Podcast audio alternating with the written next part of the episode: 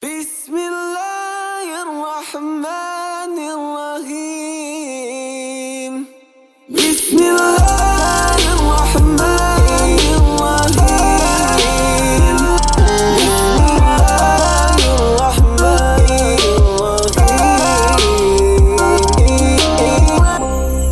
Assalamualaikum warahmatullahi wabarakatuh. Kita bertemu dalam episod yang kedua NJU. Terima kasih kerana setia bersama kami dan uh, sudah tentunya kita akan menampilkan uh, yang berbahagia Ustaz Muhammad Nuzhan yang mana beliau akan menerangkan sikit sebanyak soalan-soalan yang bakal diketengahkan oleh pendengar-pendengar kami. Hmm. uh, dan teman-teman kami lah dalam Usrah NJU Yep.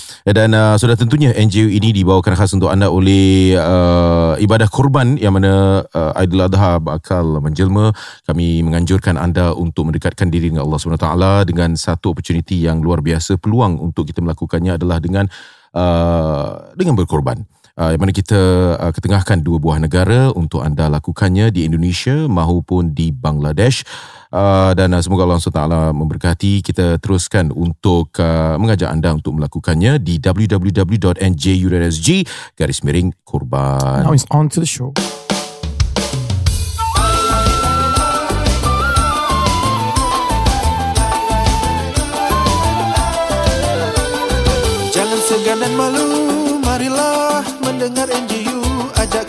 Kawan-kawanmu menjadi pendengar berilmu. Jangan segan dan malu,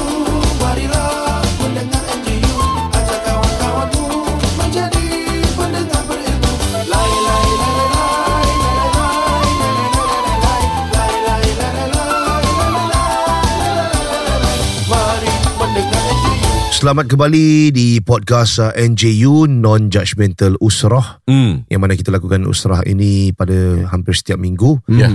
uh, sebulan eh maaf seminggu sekali Hmm, betul um, sehinggalah sehingga tak ada sponsor lah.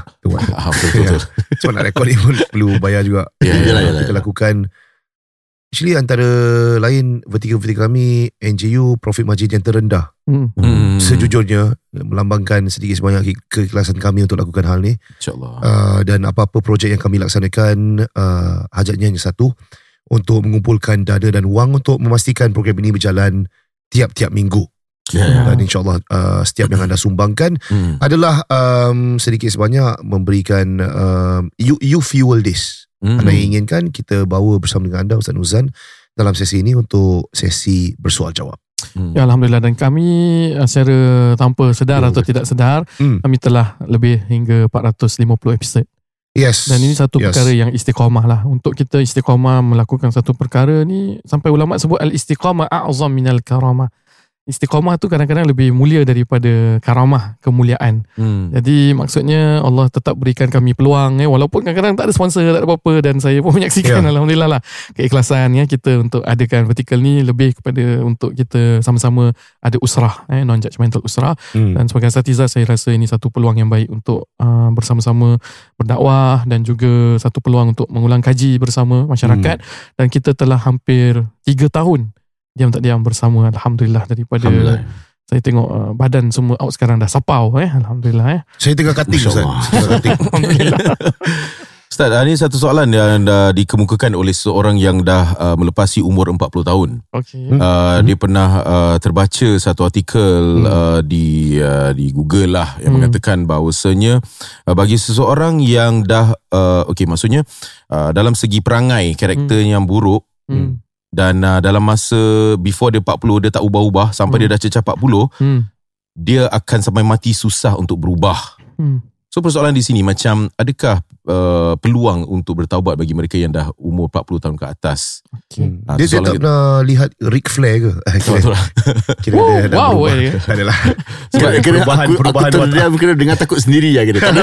Ah, sebab, sebab, sebab ada ada artikel yang dia baca saja sebab mungkin uh, dia, dia dia bagusnya dia nak Ya. tanya kepada yang uh, yang ada ARS lah uh, ataupun yang lebih berilmu sebab Hmm. takut takut artikel-artikel macam ini macam boleh menimbulkan fitnah kadang-kadang orang salah faham dan sebagainya so dikatakan di situ macam uh, sebelum kau umur 40 tu kau perangai tak tak ubah-ubah perangai buruk lah maksudnya eh. Mm-mm. bila dah cecah 40 masih lagi perangai yang sama lepas si umur 40 tu untuk kau berubah tu memang sukar gila ataupun tak boleh langsung susah gila Hmm. jadi uh, jadi persoalan di sini takkan Tuhan tidak memberikan peluang Hmm. Mm-mm. orang tu yang betul-betul mungkin dah Hmm. 50 tapi Ya. dia dah nak berubah betul Mm-mm. takkan susah untuk dia ubah uh, untuk menjadi seorang muslim ataupun muslimah yang baik Betul. tu gitulah ya Baik, uh, saya tidak tahu apa makalah yang Hmm. dia rujukkan tapi umur 40 tahun ini memang dalam agama ada relevannya iaitu umur turunnya wahyu kan. Hmm. Nabi SAW Hmm, SAW. disediakan jiwa, disediakan kebiasaan,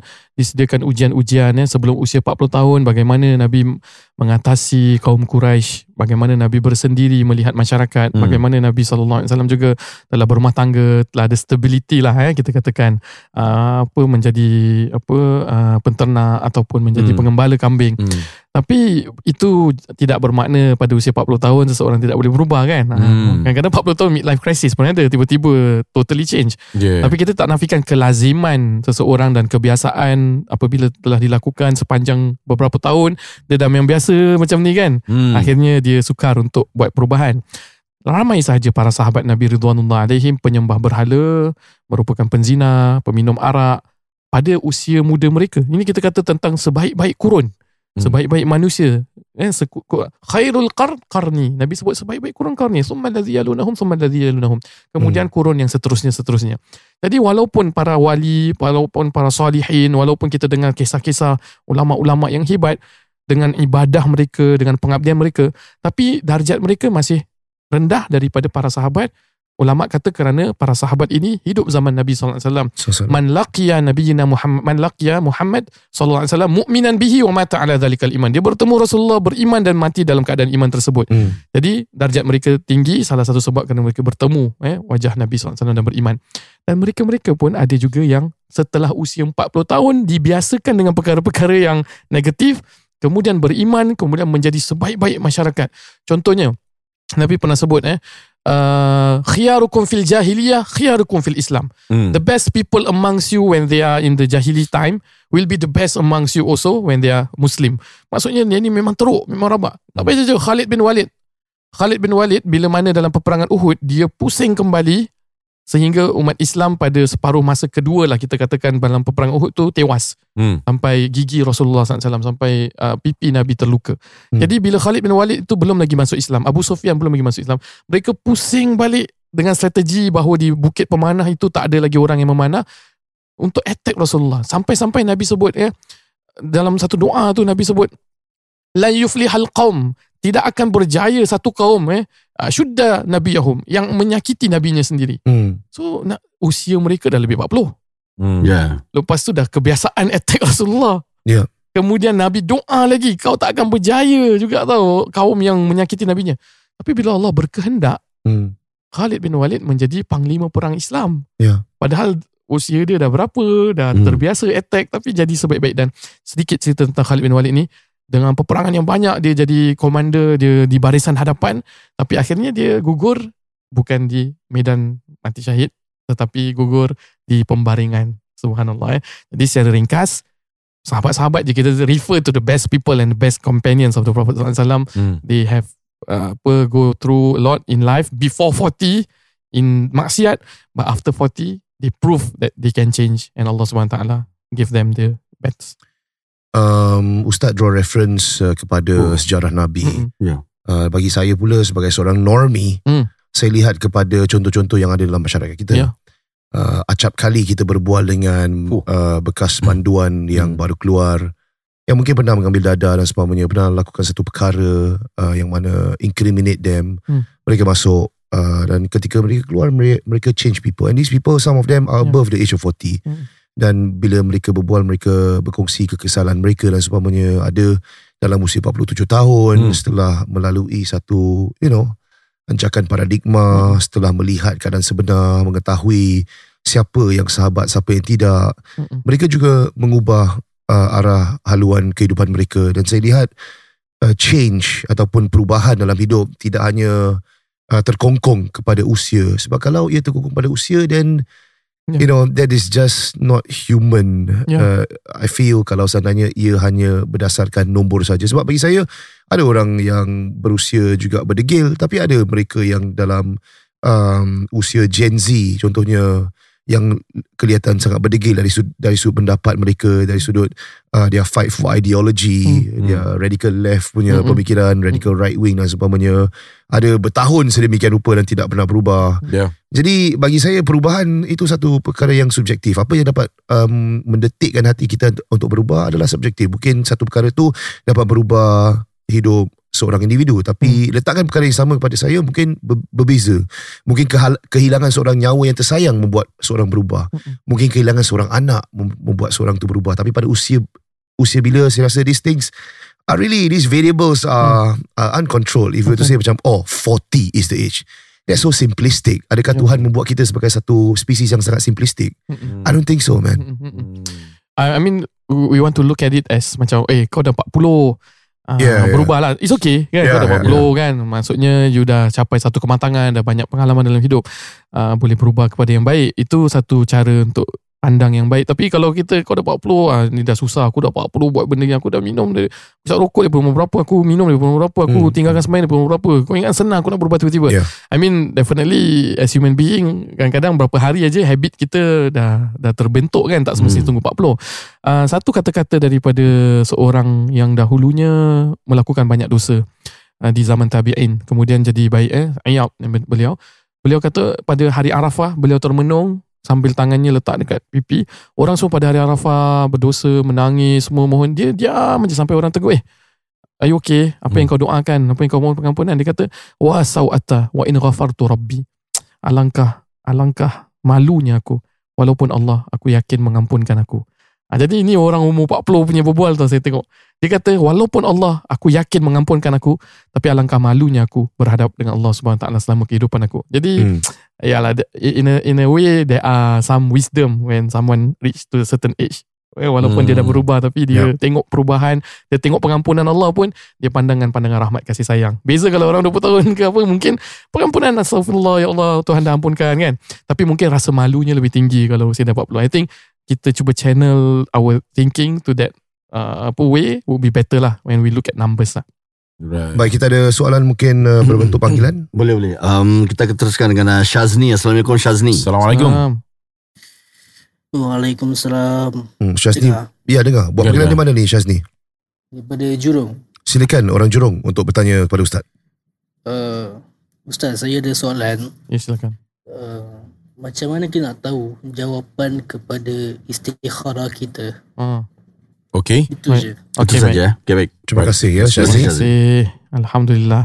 Solat istikharah ni adalah solat yang mana kalau kita ada pilihan-pilihan yang kita timbang sama rata kebaikannya dan kita mengharap hidayah petunjuk daripada Allah. Hmm. Bukan macam uh, kalau kita tahu yang ni positif, yang ini negatif ataupun ini lebih baik, ini tak baik, kita istikharah dan kita pandukan saja kepada tanda-tanda. Hmm. Kalau benda tu memang lebih baik dari segi syarak, tentu kita pilih yang lebih baik. Hmm. Tapi ni sekarang memang kita buntu kan. Uh, ibarat orang cakap kalau aku pilih di sini apa kata di sana. Ah, okay. UKIS, lah. UKIS. Ya, ya, ya. Kumpulan UKIS. Betul, betul. Ya. Ya. Dia marah pasal ada kumpulan lagi satu pakai nama dia juga eh. ada ke Tak ada orang punya band, orang pecah biasalah kan. Lepas tu Yalah. dia pakai UK. Macam lah. Okay, anyway. Gosip artis eh. Gosip artis. Pasal saya minat uh, Ami. UKIS eh. Ya. Oh, asyik. search pun masalah Ah. Pasal grup lah but, but dia relate tau Orang dalam uh, artikel tu Dia kata memang kumpulan-kumpulan lah Selalu ada this problem lah Hmm. Pasal dia masih pakai Ini drama dia pakai Ini ni pakai eh, Anyway uh, Mana tadi lupa eh uh, okay. UKIS UKIS Ah. Istikharah. Istikharah. Istikharah. Nak pilih. Ya, ya. Okay, tanda-tanda apabila kita istihara itu ada mana satu bagaimana Allah menjawab. Uh, tentu dengan apa yang tercenderungnya hati kita dalam buat pilihan tersebut. Hmm. Kalau kita rasa masih belum lagi ya, masih belum lagi, tak apa istihara dan buat saja keputusan. Kerana the fact is istihara bukan satu sistem yang kita ambil kemudian ting malam kita mimpi. Kalau kita Ya. mimpi, Alhamdulillah. Bukan ting terus tiba-tiba keluar muka dia ke ataupun jalan dia ke.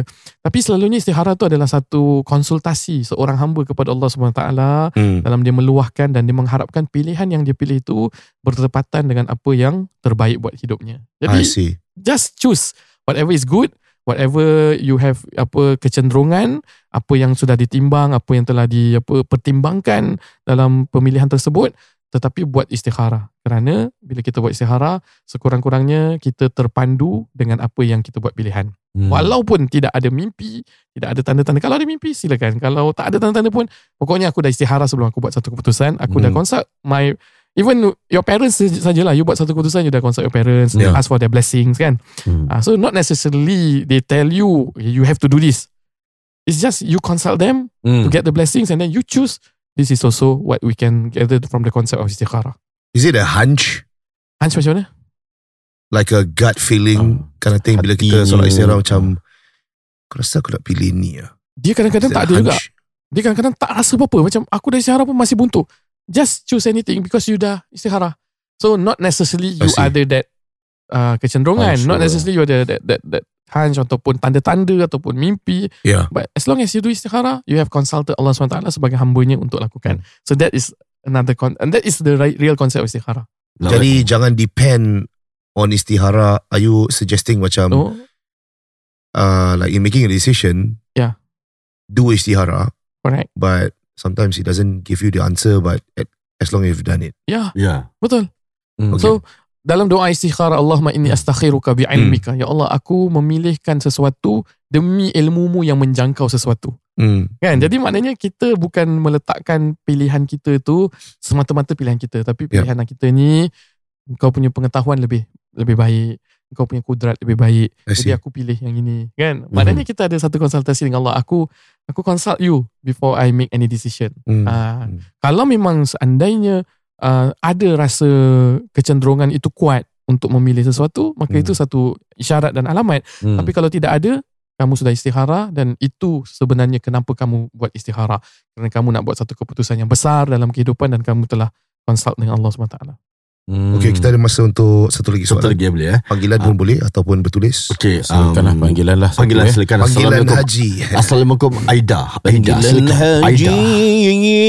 Waalaikumsalam. Waalaikumsalam Aida. Panggilan Aida, daripada awak mana mana Aida? ni? Dari Tampines. Oh. Silakan orang Tampines dengan soalan pada Ustaz. Silakan ya. Ah, actually I tak I I was in last week tapi tak sempat tanya Oh. soalan kan. Tanya last week I dah sign up for the korban yang NJU. Ah, ah. Alhamdulillah. So uh, dekat form tu kan is under credit card right payment dia. Okay. So ada tak hukum macam kita mesti settle as soon as possible ataupun kalau misalkan kita terlupa sampai lepas haji. Hmm, Then consider macam kita berhutang kan. I see. Ah, so ibadah korban kita tu diterima ke tidak? Tu satu. Baik. Then secondly, um, uh, all this one memang I selalu buat korban atas nama almarhum uh, arwah my mother. Mm-mm. So, uh, I pernah dengar macam dia uh, orang cakap macam apa? Um, ibadah orang yang dah mati ni kan dia stop kan and uh, kecuali doa daripada uh, Anak anak, yang soleh soleha. Mm-mm. So how you define anak soleha? Pasal before my mum meninggal, Mm-mm. um, dia sakit Mm-mm. And then macam Yalah masa tu muda I ada termarah dia Lepas tu dia kena stroke And I rasa macam I tak sempat nak minta maaf dengan dia Allah. Allah. So I tak tahulah macam mana tu Ah, tu baik. my question. And then the lastly, um, pasal korban ni, um, so I buat korban under my mother punya nama. Ya. Mm-mm. Then uh, kan ada yang ada restriction tak boleh potong kuku, pot, tak boleh potong rambut tu semua. Mm-mm. Is it also applicable to me? And bila I uh, last tak boleh bo- do all that? Tu Baik, je my baik. Terima kasih yang Puan. Aida Terima kasih. Aida. Terima kasih ya. Hmm. Ah, daripada minggu lalu cuba untuk menembusi tapi tidak Ya. berputus asa Hmm. alhamdulillah. Ah, soalan pertama tentang credit card, apabila kita melakukan satu transaksi jual beli Hmm. eh walaupun korban ataupun apa-apa jual beli yang lain, ah, kita berhutang dengan pihak bank. Ya. Ya. Tapi dengan pihak yang kita beli barang tersebut, kita sebenarnya telah langsaikan. Hmm. Jadi begitu juga korban. Bermakna anda telah beli dan kalau orang tanya nak kena jatuh niat ke bila time waktu hari raya haji kita tidak. Bermakna anda telah subconsciously ataupun consciously lah, not subconsciously, consciously with awareness you telah mewakilkan kepada NJU untuk melaksanakan ibadah korban atas nama you atau atas nama arwah. So the transaction daripada segi niat dah jatuh Hmm. dan dari segi bayaran sudah Hmm. dilunaskan. Ya. Kecuali kamu berhutang dengan bank. Jadi itu bank sudah lunaskan. Bermakna tidak ada masalah, tiada istilah kita hutang kepada uh, NJU untuk melakukan ibadah korban eh. I think that's a fantastic. I never thought about this. Hmm, hmm. Ya. Like using credit card untuk, you know, Ya bank bayarkan apa? Contohnya macam kita nak pergi haji yeah. Bayar pakai kredit card lu Boleh. Like macam mana eh Hmm. ah, I never thought about it Ah, that's a good That's a question. good question man Good yeah. question, good question. Jadi sama juga kalau haji, Yeah. yeah. kredit card boleh sah je haji awak.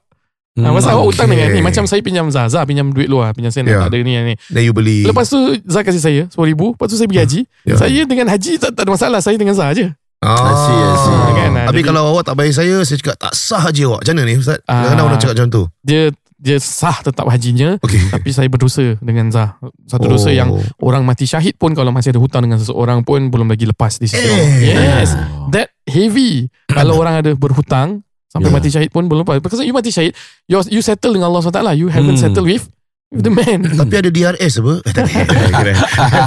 Semua orang biasa. Tadi Sorry.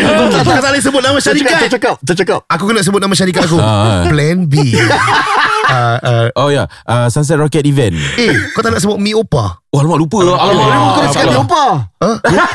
Eh kau dah sebut Kau dah sebut tu Aku dah cakap tak ni Alamak kau dah dua syarikat Ah, Eh, sorry. nak, nak cakap Aku dua ada live show Rupanya Ustaz, sampai ke NJU eh Dimainkan eh Ustaz, Ustaz sebut Ah, uh, Saya ada Nuns Production lah Dia macam keluarga je Itu itu Eh, tak payah explain, tak payah explain. Dia sebut je. je, sebut je. Dia tak explain. Okay okay Tadi ha, saya hampir terkikik bila Ustaz cakap um, saya dengan haji tak ada masalah. Macam haji siapa? kan pasal hutang Oh tadi betul kan. ya Oh, ya, Yang ya, eh Baik soalan kedua Tadi dia Haji tanya Bakhil eh. Second tadi apa Ah, definisi anak soleha tadi. Okay Ya, start before macam- that Dia ask Sampai ke tidak pahala eh uh, Kepada Ya, betul. eh. Ah. Right uh, Jadi Nombor maksudnya dia cakap Hmm. um, Bila matinya anak Adam Hmm. Dia tertinggal semua perkara Except Yes. tiga Nah, Hmm. Salah satunya adalah Doa. uh, Doa doa daripada anak yang soleh Ataupun soleha uh, Jadi definisi ni macam mana Kalau kita Kita anggap diri kita bukan Anak yang soleh Kalau Hmm. kita berdoa mm-mm. Adakah masih sampai Kepada Ah. arwahnya Baik gini Jadi ada dua pendekatan kepada perkara ini Satu secara akademik Ulama menyebut soleh itu Dia bukan baik saja tau Aha. Soleh tu kalau you You tengok expiry date eh Dekat bahasa Arab eh Din boleh betulkan eh Hmm. Expiry date mudah solahiyah Hmm. Tempoh uh, Benda tu uh, Belum lagi basi Ya. Jadi something yang sangat tepat Expiry Ah, ya, yeah, something yang sangat tepat, Aha. something yang belum lagi rosak, something yang kebaikan yang uh, dibuat sesuai pada tempat dan waktunya, Hmm. kan? Solah, eh, uh, goodness, itu namanya anak soleh. Maknanya kalau pada ketika itu kita doakan dia, secara tak langsung ni ni pendekatan kedua. Pada ketika kita mendoakan Allahumma ghfirli wali walidayya warhamhuma Ya. kama rabbayani saghira ataupun kita mohon dalam bahasa Melayu, ya Allah ampunkan dosa ibu bapaku yang Hmm. melahirkan aku, membesarkan aku ni semua kan. Ya. Jadi dengan kamu doa sedemikian itu menjatuhkan kamu dalam kategori anak soleh. Okay So dia apa senapang dua apa Cap tiga senapang yang yang ubat kata-kata tu. uh, Kills two bird in one stone. ya Oh. Oh sikit. Bukan senapang gajah eh. Oh, itu sakit tau, pecah kepala. Senapang gajah. Oh, kalau kena Eh. tembak dengan senapang gajah. Tu hampir-hampir Sudin tu kena. Ah, rumah kau ni banyak apa, apa semut Okay Tak ada jaga Rumah kau banyak semut Gatal Oh, Baru ya, ya, keluar ya. Senapang gajah Tak tu gua-gua. Ah, gua. gua. Ya. Okay, okay. Anyway, Ah. so uh, kenapa tu uh, killing two birds with one stone? Maknanya kamu doakan untuk ayah ibu kamu, Hmm. pahala manfaat tu sampai. Tapi kamu jangan ingatkan bahawa kita hanya menyampaikan pahala dan manfaat and you are doing goodness saja. It is exactly for you to be categorized untuk jadi anak soleh. Ya. Ah, so in a way when you make doa sampai kepada it's a win-win situation. Ibu bapa sampai diri kamu juga menjadi anak yang soleh. Jadi kalau ada kesalahan pada waktu hayat mereka ini disoalkan oleh para para ilmuwan ah, para apa penyoal kepada ulama-ulama Arab saya pernah dengar kepada ulama-ulama even Mak Saleh dan sebagainya mereka jawab the best thing adalah sekarang ni masa untuk kamu doakan mereka Hmm. kamu sedekah atas nama mereka sekaligus sedekah atas nama arwah yang ulama kiaskan ya haji atas nama arwah kalau mereka ada kemampuan ini yang ulama kiaskan kalau ibadah-ibadah seperti ini boleh sampai begitu juga dengan ibadah korban yang majoriti ulama menyatakan boleh melaksanakan ibadah korban kepada para arwah kita. Hmm. Dan soalan ketiga berkenaan dengan cepik kuku dan sebagainya. Ah, Ah. itu hanya untuk sahibul korban ataupun the beneficiary. Kalau dalam form NJU kan kita letak beneficiary's name kan. Ya. Contohlah kita buat untuk anak kita Okey. ya, yang masih hidup lah ya. Ya. ataupun pasangan kita masih hidup. Jadi kita dah taruh register nama kita lepas tu beneficiary name. Hmm. Beneficiary tersebut yang dimakruhkan untuk potong kuku dan rambut bermula daripada malam 1 Zulhijjah. Malam 1 Zulhijjah jatuh kepada 20 hari bulan ataupun 19 hari bulan lah. Hmm. 19 Jun maghrib. Ah, next Monday lah. Itu hanya hukum makro. Tapi bukan orang yang registerkan. Lebih kepada orang yang melaksanakan ibadah korban atas nama siapa. Jadi kalau atas nama arwah, maka tidak ada apa-apa masalah untuk yang anak-anaknya nak potong kuku, tak ada masalah. Nak potong rambut, tak ada masalah. Pasal Maksudnya apa? Diorang boleh potong lah. boleh potong. Boleh potong. Tak ada masalah. Okay. Ha, tapi kalau yang masih hidup, orang yang masih hidup, uh, kalau dia buat untuk diri dia sendiri, bermakna dia makruh lah kalau potong. Kalau you nak potong pasal you tempat kerja you, apa tak hygiene dan sebagainya, potong aja. Jalan Tak jalan. ada masalah. Ini ulama sebut kerana orang yang melaksanakan haji dia berada dalam ihram menjaga sesuatu pantang larang. Ya. You are always conscious about apa abstaining from something tau. Ya. Ah sama juga. Jadi bila masuk Zulhijjah, you nak buat korban ni. So daripada sekarang aku dah tak potong kuku. Aku jaga sesuatu. Aha. When you are in that state of jaga sesuatu, you tend to be more careful Ya. uh, daripada nak, nak buat dosa dan sebagainya. So you are in solidarity uh, with people yang nak pergi Oh. haji juga. Itu hikmahnya saja. Tapi ini sahaja uh, sunnah saja. Dia tak jadi wajib, tak jadi apa-apa. Jadi Haram kalau tu, siapa ha. buat makruh. Hmm. Siapa yang buat makruh. Hmm. Balik lagi kepada soalan dia, siapa yang melaksanakan ibadah korban untuk namanya sendiri, dialah beneficiary-nya, maka makruh untuk potong rambut dan kuku, Hmm. sunnah untuk dia tidak potong dan tidak uh, potong rambut dan kuku. Ya. Tapi untuk nama arwah, maka tak ada masalah untuk dia potong rambut dan kuku. Kalau dia buat beneficiary masa untuk orang yang masih hidup, Hmm. orang yang masih hidup itulah yang tidak uh, tidak yang digalakkan untuk tidak potong rambut dan kuku. Ah. Diri dia boleh. Ya ya. Okay, faham. baik. Okay, best. Hope that clears uh, pertanyaan dan juga uh, kemelut eh kemelut Eh, juga. kekeliruan Kekeliruan. uh, yang ada dalam hati dan sanubari. Right. jadi bagi mereka Eh, yang satu, satu, satu, satu, apa dia. Ustaz? Silakan Bagi Ustaz. mereka yang melaksanakan ibadah korban Aha. nazar, ah. nazar wajib eh contoh eh. Hmm. Allah Allah kalau aku sakit aku sembuh ni, sekali sembuh maka aku korban kan. Uh, Ha, itu dan juga untuk arwah yang dah meninggal dunia, dia tidak boleh mengambil daging daripada Oh. Tak boleh makan korban. daging Ah, tu jadi lah. for our context, alhamdulillah kita tak buat kat Singapura kan. Hmm. Jadi for our context memang daging tersebut kita tidak agihkan untuk diri kita tetapi diagihkan untuk fakir miskin. Dan itu See. untuk mereka tambah pengetahuan kepada nak buat untuk arwah tak boleh ambil daging korbannya dan Nice. nazar pun tak boleh ambil daging korban. Baik. Okay. Yang sedang mendengar bagi mereka yang belum lagi uh, melaksanakan ibadah kurban actually semua belum lagi Jalan. cuma mereka buat penambahan uh, kambing-kambing kami buat di dua negara saja Hmm. uh, kerana fokus kami adalah bagi ini uh, masa yang termampu untuk kami Betul. fokuskan kepada dua kami nak berikan yang terbaik dan kami juga berikan uh, harga yang terbaik juga Hmm. bagi mereka nak laksanakan ibadah kurban di Indonesia berharga 170 dolar seekor mampu Hmm. milik insyaallah Uh, dan Ustaz Nuzan sendiri telah pun pergi dan buat survey tentang Hmm. keadaan tempat. Ini bukan pertama kali uh, kami lakukan kurban di sana. Tahun lepas juga kami Hmm. lakukan kurban di sana juga. Cuma kali ini sistem dia agak lebih baik lah Tentu. uh, berbanding pada tahun yang sebelumnya. Dan uh, bagi Bangladesh pula kami tertarik dengan uh, keadaan di sana dan juga um, the visual and optics of things uh, bagaimana kemeriahan uh, Aidiladha disambut di sana dan kegembiraan penduduk-penduduk Dhaka in the slums of Dhaka menerima agihan daging kurban.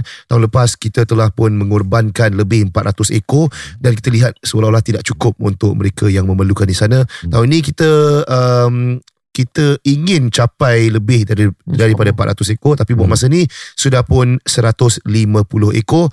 Uh, teman kami yang rupanya seperti Dinur Rahim di Ya, ya. Bangladesh Hmm. mengagih-agihkan token untuk mereka yang memerlukan. Jadi dengan token itu mereka dapat exchange dengan segenggam uh, daging korban yang akan diagihkan pada hari Idul Adha nanti insya-Allah. Mhm. teruskan melusuri laman www.ngu.sg garis miring korban untuk melaksanakan ibadah korban bersama-sama dengan kami di NJU dan kita jumpa di lain kesempatan sehingga berjumpa lagi insya-Allah. Wabillahi taufiq wal hidayah. Assalamualaikum warahmatullahi wabarakatuh